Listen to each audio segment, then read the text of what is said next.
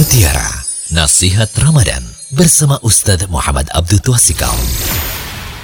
Bismillahirrahmanirrahim. Assalamualaikum warahmatullahi wabarakatuh.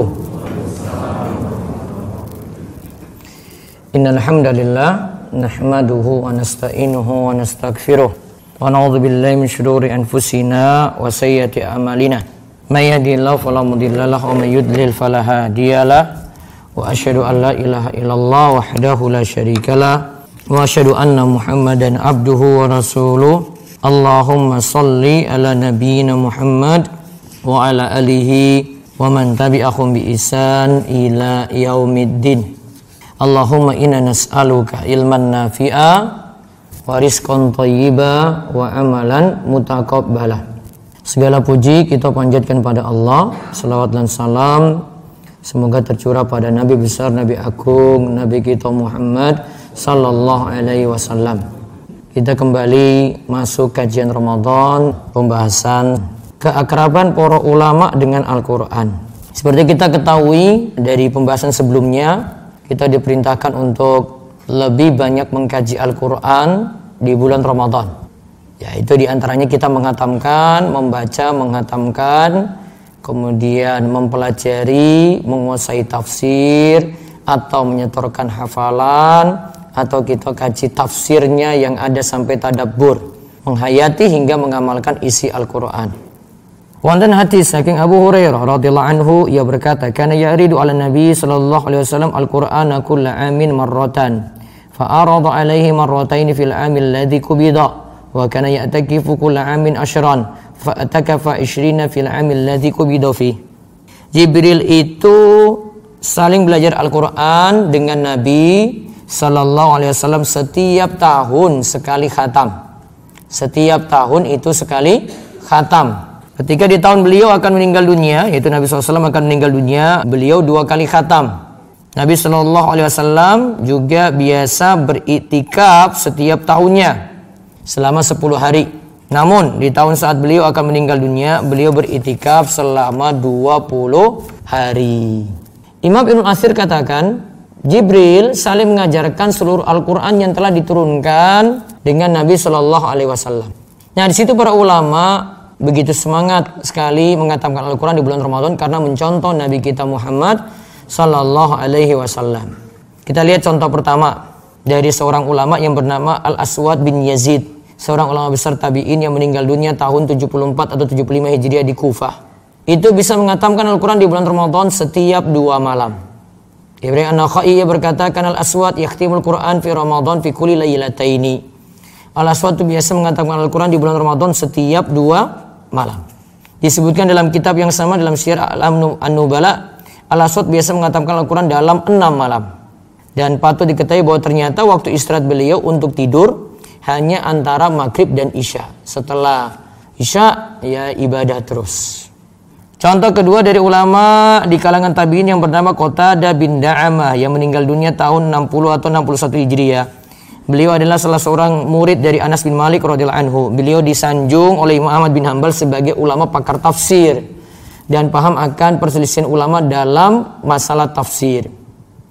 Sampai-sampai Sufyan Ats-Tsauri mengatakan bahwa tidak ada di muka bumi ini yang semisal kota ada.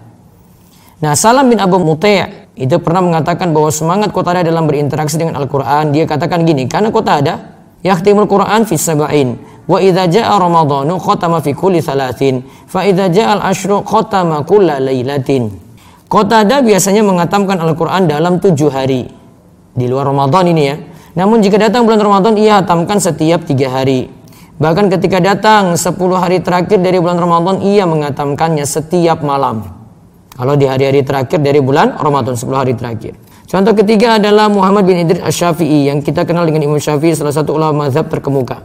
Disebutkan oleh muridnya Ar-Rabi bin Sulaiman kana Syafi'iyu yakhtimul Qur'ana fi syahri Ramadana sitina khutmatan. Imam Syafi'i biasa mengatamkan Al-Quran di bulan Ramadan sebanyak 60 kali. Ditambahkan oleh Ibnu Abi Hatim bahwa khataman tersebut dilakukan dalam sholat saja. Contoh terakhir adalah Ibnu Asakir yang merupakan ulama pakar hadis dari negeri Syam yang terkenal dengan karyanya Tarikh Dimask. Anaknya yang bernama Al-Qasim mengatakan mengenai bapaknya Wa kana muwaziban ala salatil jama'ati wa tilawatil Qur'an yakhtimu kulla jumu'atin wa yakhtimu fi ramadhana kulla yaumin wa ya'takifu fil manarati syarqiyati wa kana kasiran nawafil wal azkar. Ibnu Asakir adalah orang yang biasa merutinkan sholat jamaah. Nah, dia tertib sholat berjamaah dan rutin tilawah Al-Quran. Beliau biasa mengatakan Al-Quran setiap pekannya.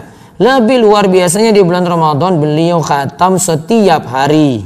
Beliau biasa beritikaf di Al-Manar Asyarkiyah. Beliau adalah orang yang sangat gemar melakukan amalan sunnah dan rajin berzikir. Ada empat contoh. Semua rajin mengatamkan Al-Quran. Nah, apakah mengatamkan Al-Quran itu jadi wajib? Imam Nawawi rahimahullah menyebutkan bahwa seperti itu berbeda tergantung pada kemampuan masing-masing. Orang yang sibuk pikirannya ia tetap berusaha sebisa mungkin sesuai kemampuan pemahamannya. Begitu pula orang yang sibuk dalam menyebarkan ilmu atau sibuk mengurus agama dan urusan khalayak ramai berusaha untuk mengatamkannya sesuai kemampuannya juga. Sedangkan selain mereka yang disebut tadi yang tidak penuh kesibukan, hendaknya bisa memperbanyak membaca Al-Quran. Jangan sampai menjadi orang lalai.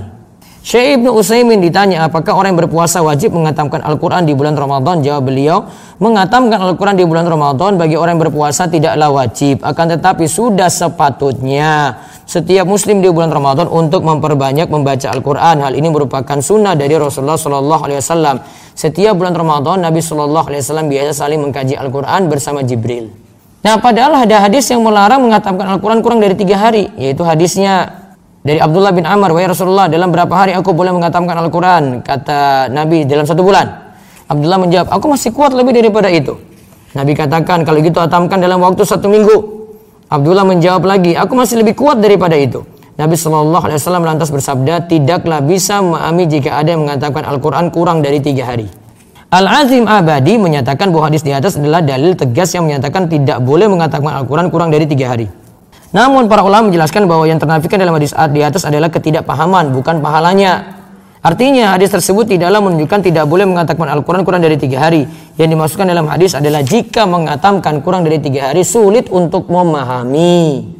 Berarti kalau dilakukan oleh orang yang memahami Al-Quran, ya tadi Imam Syafi'i dan yang lainnya itu paham Al-Quran. Seperti contoh para ulama disebutkan di atas maka tidaklah masalah. Dalam Lataiful Ma'arif Ibnu Rajab Al-Hambali katakan larangan mengatamkan Al-Quran kurang dari tiga hari itu ada jika dilakukan terus menerus. Sedangkan jika sesekali dilakukan apalagi di waktu utama seperti bulan Ramadan lebih-lebih pada malam yang dinanti yaitu Lailatul Qadar atau di tempat yang mulia seperti di Mekah bagi yang mendatanginya dan ia bukan penduduk Mekah, maka disunahkan untuk memperbanyak tilawah untuk mendapatkan pahala melimpah pada waktu dan zaman yang istimewa. Inilah pendapat dari Imam Ahmad dan Ishaq serta ulama besar lainnya. Inilah yang diamalkan oleh para ulama sebagaimana telah disebutkan. Kesimpulannya, kita dianjurkan untuk hatam semampunya. Buatan hatam, buatan masalah. Seandainya kita itu tidak sampai hatam, ji, cuma baca beberapa juz boleh namun kalau bisa mengatamkan lebih baik dan itu menunjukkan uh, semangatnya orang itu di bulan Ramadan. Sama sebagaimana kata Imam Nawawi tadi, semua tergantung kemampuan masing-masing. Ada yang super sibuk, ada yang tidak sih sibuk. Nanti lihat dengan keadaan sendiri-sendiri. Bisa tiga hari itu satu kali hatam, bisa sebulan juga satu kali hatam. Ya semuanya tidak masalah. Semua menunjukkan kebaikan. Yang penting punya target dalam sebulan untuk hatam membaca Al-Quran. Walaupun mungkin tidak paham. Kalau paham lebih baik. Namun kalau tidak paham ya sudah baca saja sudah dapat manfaat.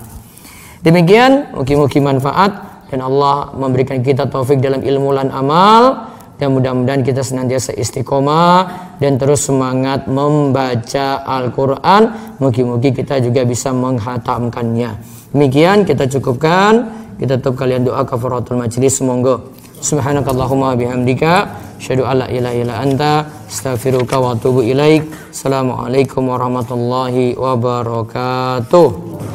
Demikian mutiara nasihat Ramadan bersama Ustaz Muhammad Abdul Tuasikal.